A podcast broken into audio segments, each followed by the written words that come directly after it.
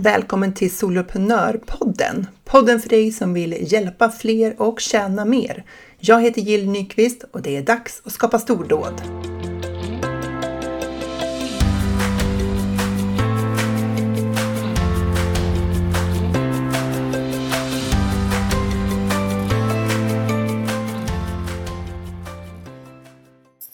Tack för att du är här och lyssnar på Soloprenörpodden. Det skulle ju klart inte vara lika roligt att sitta och spela in de här avsnitten om det inte vore för att just du lyssnade. Och stort tack alla ni som taggar mig på en story på Instagram eh, och visar att ni lyssnar. Väldigt värdefullt. Så tusen, tusen tack!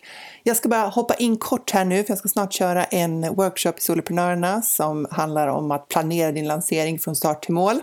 Eh, jag har ett dokument och en plan som jag vill visa dem som jag har kört de senaste åren som funkar väldigt väl eh, när man vill få koll på läget och känna att ja, men du vet, att man vet lite grann vad man håller på med, att man inte bara gör och inte riktigt vet eh, varför man gör det och hur man ska göra och sådär. Så det ska jag göra alldeles, alldeles strax. Men innan det så ville jag prata om varför det ibland går så trögt att skapa innehåll. Du kanske sitter och ska göra ett webbinar eller du ska skriva ett nyhetsbrev eller du ska ta fram en en, någonting du ska sälja, en onlinekurs eller en workshop eller kanske skriva ett nyhetsbrev eller sådär. Och, eh, och, så, och så kommer du inte på vad du ska skriva. Eller också så börjar du ta fram innehåll och så känns det liksom som att det blir diffust på vägen. Så kan det kännas, särskilt om man tar fram någonting som är lite längre, alltså inte bara skriver ett inlägg på typ Instagram eller LinkedIn, utan du kanske håller på med ett webbinar eller du tar fram en ny föreläsning eller håller på att utforma innehållet i en kurs till exempel. Så antingen kan känslan vara att det sväller och det blir liksom oändligt mycket i den där kursen då till exempel. Eller att du inte kommer på någonting alls, att det blir väldigt skralt och tunt och alldeles för lite och du kör fast. Och jag hamnar där ibland eh, och många, många gånger så handlar det om att jag inte gjort min egen hemläxa. En hemläxa som vi alla känner till, alla har hört, jag vet om den, men ibland så försöker jag ta den där genvägen och sätta igång och skapa direkt. För att vet, så här, man vet att man borde, men så känns det lite jobbigt att backa bakåt, för det känns som att man backar bakåt. Eh, och eh, så hoppar jag liksom bara rakt in och skapar innehållet. Och vad är det för hemläxa jag pratar om då? Jo, det är att sätta sig ner och tänka igenom och identifiera kundens verkliga problem. Vad av din kunds problem är det du försöker lösa i just det här sammanhanget? Och jag vet att vi alla vet det där.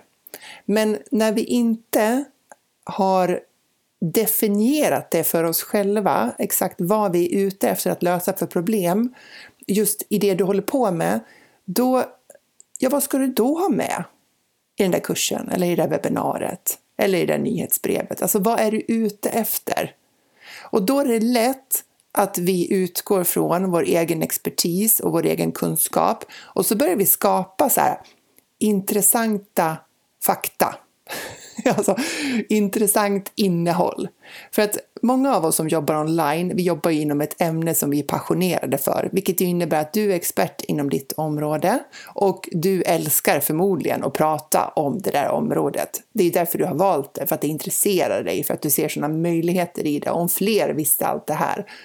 Och när vi är i det läget, då är vi med, då har vi som det jag brukar säga experthatten på oss.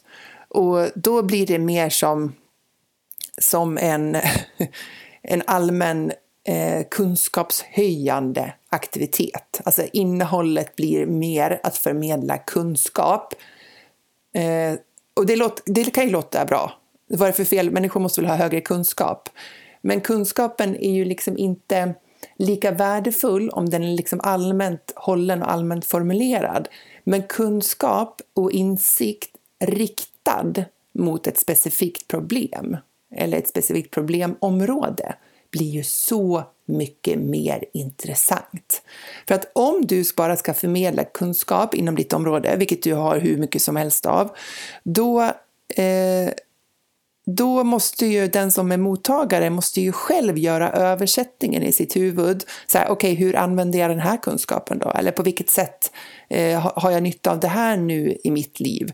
Och den, den uppmärksamheten får vi sällan av människor. Alla, du vet, det scrollas förbi snabbt, man läser nyhetsbrev snabbt eh, och så vidare. Man kan hoppa ur ett webbinar om det inte känns som att det liksom gav det värdet man hade tänkt sig. Eller man anmäler sig inte överhuvudtaget om inte rubriken attraherar, det vill säga att jag känner att det här är någonting som kan hjälpa mig framåt.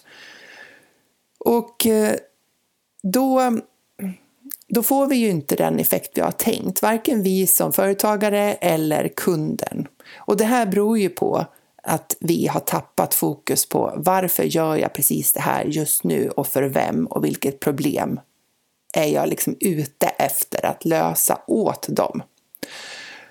Så det är det som jag många gånger eh, upptäcker när jag börjar skapa innehåll och jag känner att det inte blir tillräckligt krispigt. Eh, det blir lite diffust. Eh, och för min del så kanske det snarare så här sväller ut. om, jag inte, eh, om jag inte har koll på eh, vad syftet är med just det där. För då, då associerar ju jag så här, oh, det här och då är det här intressant och så är det där intressant och så är det här intressant och så plötsligt så är det massor liksom, olika trådar i den där eh, aktiviteten, alltså vi säger ett inlägg eller nyhetsbrev och de håller liksom inte ihop och det blir inte värdeskapande. Så om du känner igen dig i det, att du liksom att du kan hamna i de där lägena där det blir svårt att skapa eh, innehåll, då behöver du backa tillbaka och jag brukar skriva ner då. Vad är kundens problem? Vad är det de står inför just nu? Och lista så många som, eh, som jag kommer på och sen välja ut de problemen som hör ihop med det ämne eller det område jag just nu håller på att skapa innehåll för. För när vi utgår från att kunden är någonstans idag och sen vill den någonstans. Alltså den har ett problematiskt nuläge inom det området du hjälper till och den vill till någon form av fantastiskt nyläge. Hur ska de ta sig dit? Någonstans på den resan ska ju ditt innehåll hjälpa dem på vägen dit med något steg i den riktningen. Och när vi utgår från de ändpunkterna, jag som ser allting så visuellt som en tidslinje, där det finns en förflyttning att göra, då kan du sätta in det innehåll du håller på att skapa, oavsett om det är en onlinekurs, eller om det är strukturen i en medlemstjänst, eller om det är ett nyhetsbrev, eh, eller om det är en podcastavsnitt eller vad det är. Sätta in det där idén du har om vad du ska, eh, vad du ska förmedla på den där linjen och, och tänka så här, okej, okay, men med det här området, vad är utmaningarna med det där? För då, då kommer du att uttrycka dig på ett mycket mer precist och koncist sätt och du kommer att ha mycket lättare att eh, vi säger att du ska skriva ett nyhetsbrev och sätta en ämnesrad på det nyhetsbrevet för att det har ett specifikt budskap. Eller det kommer att vara lättare för dig att sätta en rubrik på webbinariet för att det har ett specifikt budskap. Eh, just när det gäller att skapa webbinar, om man ska prata om den innehållstypen, så rekommenderar jag ju att man gör tvärtom. Man, man börjar med att definiera vilket problem alltså kunden har och sen skapar man en rubrik först. Eh, och sen som är intresseväckande och attraherande för just den gruppen som du vill ska komma på ditt webbinar. Och sen skapar du innehållet för att möta upp den. Så, för att eh, då kommer ditt innehåll att motsvara rubriken mycket bättre än om du skapar ett innehåll utifrån din expertis, utifrån vad du vet att människor borde känna till och vilken kunskap de skulle ha nytta av och så vidare. Eh, och så ska du försöka liksom komma på en rubrik i efterhand då, på något vis som, som ramar in det där. Då är, eh, då är det lättare, eller så här, risken ökar att vi har tappat fokus på innehållet och att det är ett problemlösande innehåll Ehm, så. Och när det gäller liksom själva formuleringen av problemet, det, det vet jag också att du har hört jättemånga gånger.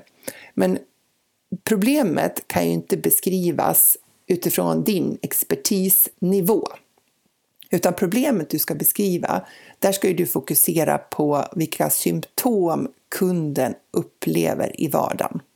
Och jag vet att vi alla har hört det här hundra gånger, men nästan varje gång jag pratar om det här så är det någon som säger så här, det här har jag hört hundra gånger, men först nu förstår jag vad det faktiskt betyder. och så där är det ju ibland, att vi behöver höra saker många gånger. Och ibland är det så att vi behöver höra det från olika personer för att någon uttrycker det på något sätt som gör att poletten liksom trillar ner. Ibland handlar det bara om vår egen utvecklingskurva, att så här, Eh, när jag hörde det för tio månader sedan, då hade jag inte gjort de här erfarenheterna. Eh, men nu när jag hör det så kan jag ta emot det där på ett annat sätt och det betyder någonting annat för mig. Liksom. Så det, det var en egen läroprocess i det där. Men det finns ju, det finns ju vissa grunder som vi alltid behöver komma tillbaka till, även när man är rutinerad. Även om man har jobb, som jag som har jobbat med onlinekurser sedan min första då 2018 nu är det 2024, det är ju några år ändå. Men det där är ju en grund som jag aldrig får släppa. Den där måste man ju alltid komma tillbaka till. Och att bygga upp den där egna förståelsen kring kunden, den, det är liksom alltid, alltid det första anhalten eh, om vi ska skapa någonting. Det är det första man behöver göra om vi, ska, om vi liksom börjar om, om vi är nystartade. Men det är någonting som vi återkommande behöver göra i de innehållsprojekt vi håller på med, även som rutinerade. Och det är lätt att hoppa över det där, för man känner så här, men jag har koll på det läget, jag har gjort det här hundra gånger, det behövs inte och sådär. Och det kanske det inte gör. Du kanske klarar dig. Men om du upplever att det inte riktigt blir så bra som du skulle önska, då behöver du gå tillbaka förmodligen och göra det här. Och kunder, eh, om det är så att du redan har, jag tänker de här orden vi ska använda, alltså ska man beskriva symptomen som kunden upplever så vill vi gärna beskriva symptomen så som kunden själva beskriver symptomen. Och det bästa sättet att eh, eh, fånga upp det, det är ju att du tänker tillbaka på de kundmöten du redan har. Du kanske har gruppcoachningar eller du kanske håller workshops eller du kanske sitter i coachingsprogram med kunder så att du möter dem eh, och hör hur de beskriver det här om och om igen. Tänk dig tillbaka på vad är det du brukar höra där. Har du någonting som är inspelat så kan du till och med gå tillbaka till inspelningen och lyssna på så här, hur utformar de sin fråga i den här eh, i det här webbinariet eller i den här gruppcoachningen eller vad det är för någonting. För att de har ju sitt eget sätt att beskriva sin fråga. Och hör du ett gäng sådana fraser, särskilt om de kommer tillbaka om och om igen, då är det guld värt att ha med när du sitter och definierar kundens problem. Och när du ska beskriva varför någon ska eh, komma på det här webbinariet till exempel, eller gå på din föreläsning eller köpa din kurs, så är det ju de där orden kring symptomen som är så otroligt värdefulla. Det är som guld, guldklimpar att ha i sin copy. Och det här behöver vi ju fylla på, den här liksom ordbanken kring kundens beskrivningar av sina egna symptom över tid. För att jag, en del av det som jag lyssnade efter i början när jag startade soloprenörbenet av mitt företag, det beskrivs ju på ett annat sätt nu. Eller den grupp jag riktar mig till är på ett annat ställe. Och då behöver jag ju lyssna efter de orden som finns för den målgrupp jag vill hjälpa nu. För precis i början av mitt soloprenörföretagande så var jag helt fokuserad på att hjälpa människor att starta medlemstjänster just, alltså en prenumerationstjänst. Det var den online-tjänsten som var mitt huvudsakliga fokus och expertområde. Men över tid så har jag ju eh, fångat upp ett lite bredare behov och hjälper nu människor att skapa sin perfekta mix av tjänster. Alltså den här mixen av att sätta upp, kanske ha en onlinekurs, kanske ha en medlemstjänst eller ha en och en coachning eller vad det nu är för mix av tjänster som man vill erbjuda så att man får det här hållbara företaget online. Och det är klart att då uttrycker den målgruppen som vill göra det uttrycker ju sina behov och sina problem på lite annat sätt än om man är helt fokuserad på att skapa en medlemstjänst som har eh, en viss samling utmaningar kopplat till sig. Så därför behöver vi ju gå tillbaka och se hur är det våra kunder uttrycker oss. För att vi kanske också skiftar målgrupp eller fokuserar på vissa delar av målgruppen hårdare eh, femte året du driver företag jämförelsevis med första året du driver företag, om man, om man säger så. Det finns en utveckling för oss företagare i det där också. Så det gäller ju att du, eh, att du hänger med i det eh, när det gäller det innehållet och de ord du väljer också.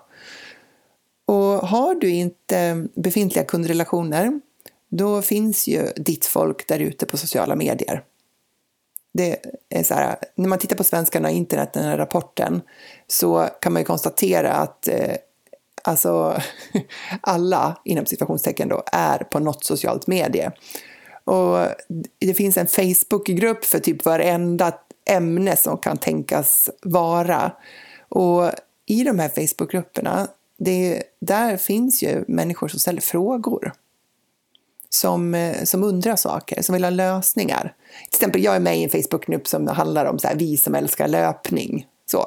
Och vad är det för frågor som kommer upp där då? Jo, jag tänker så här, om jag hade varit en löparcoach hade ju det varit ett perfekt eh, ställe att hänga på för att se vad så här, okay, de som vill, eh, de som vill komma igång med löpning eller de som lö, eh, springer regelbundet, vad har de för utmaningar? Och då ser jag om och om igen frågor om utrustning, vilken typ av utrustning man ska ha, Um, och nu när det är vinter så då undrar man ju över det, liksom vad som passar bäst. Men sen har vi ju det här liksom med upplägg av träning. Uh, om jag vill kunna springa en mil, hur, vad är smartaste sättet då för mig att lära mig att springa en mil? Jag kan knappt springa en kilometer idag, typ så. Eller jag ska bli en ultralöpare. Hur bygger jag upp min eh, löpteknik och min kropp så att den håller för det? Eller jag vill kunna springa ett maraton och idag kan jag springa fem kilometer, knappt. och nu har jag anmält mig till ett maraton eh, i september. Hur ska jag träna? Så att, och sen är det en massa varianter på liksom, frågor kring det där. Alltså, så att så hade jag varit en löparcoach så hade det varit ett perfekt ställe att hänga på för att säga vad är det för farhågor har, vad är det de är rädda för, vad är det, för, vad är det som är oklart, vilka frågor har de, jag tror inte att man kan skapa en onlinekurs för att hjälpa människor att köpa rätt kläder till vintern. Däremot så skulle man kunna skapa en tjänst som hjälper dem att gå från att springa fem kilometer till att klara ett maraton utan att bli skadad till exempel. Så att i de här grupperna, där finns dina människor som frågar saker. Så att som minst, om vi säger att du inte har befintliga kunder att gå till, så kan du gå in i de grupperna och faktiskt bara skärmdumpa, du behöver inte ta med deras personuppgifter utan bara så här skärmdumpa själva frågorna och samla dem i ett dokument och ha det som inspiration när du skapar ditt innehåll. För det där, det är ju det, är ju det riktiga. Så. Många gånger så gör vi sådana här idealkunder eh, som vi liksom hittar på. Vi föreställer oss vem vi pratar till. Och har du gjort en sån övning så så är ju det här ett utmärkt sätt att klä på dem med ordentlig verklighetsförankring genom att skärmdumpa sådana här frågor från din, eh, den där personen som sitter med det problemet som du kan hjälpa till att lösa. Och samlar dem i ett dokument, det har ju den fördelen att du kanske också hittar det då när du behöver den. Jag vet inte hur du har det på ditt din digitala filserver, men på min är det lite rörigt ibland. Så att jag älskar ju när jag har tagit mig tiden att faktiskt samla ihop saker, det blir så mycket enklare. Så, eh, är det så att du har befintliga kunder och du får mycket input från det, eh, men ska liksom tweaka din målgrupp eller vill liksom vidga det lite grann, då kan ju det där med att gå in i en Facebookgrupp eller läsa i kommentarsfält på Instagram eh, också vara ett jättebra komplement för att få lite nya infallsvinklar på det här. För vill du skapa värdefullt innehåll för din, just din tänkta person så är det att utgå från deras problem i skapandet och lösa det problemet, stort eller litet. Det är det som kommer hjälpa dig att skapa dina stordåd.